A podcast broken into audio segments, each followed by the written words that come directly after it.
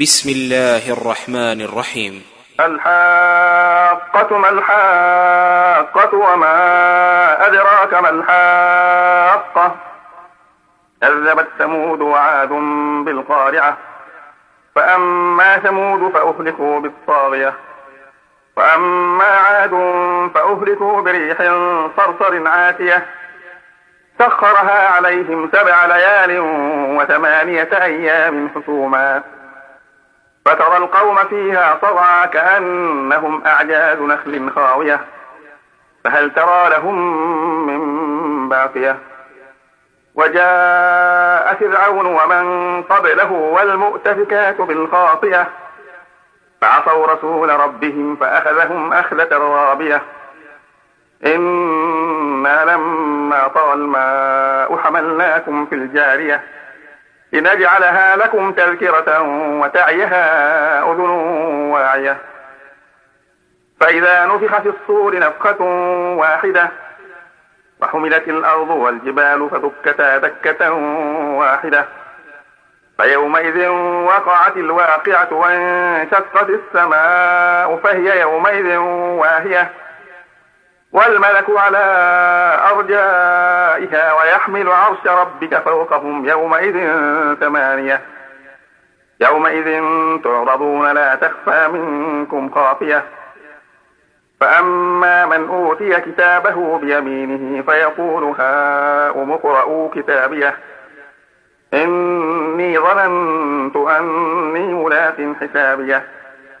فهو في عيشة راضية في جنة عالية في جنة عالية قطوفها دانية. كلوا واشربوا هنيئا بما أسلفتم في الأيام الخالية.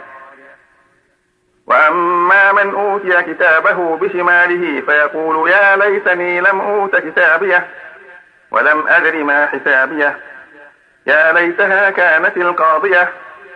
ما أغنى عني مالية؟ هلك عني سلطانية. خذوه فغلوه ثم الجحيم صلوه.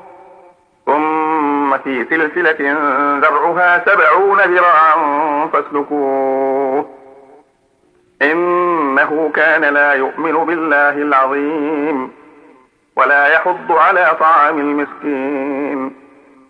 فليس له اليوم هاهنا حميم ولا طعام إلا من غسلين لا يأكله إلا الخاطئون.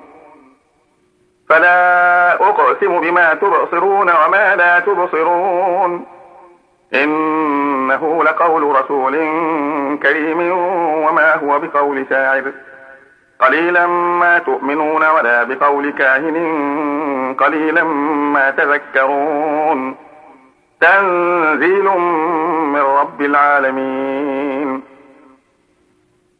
ولو تقول علينا بعض الأقاويل لأخذنا منه باليمين ثم لقطعنا منه الوتين.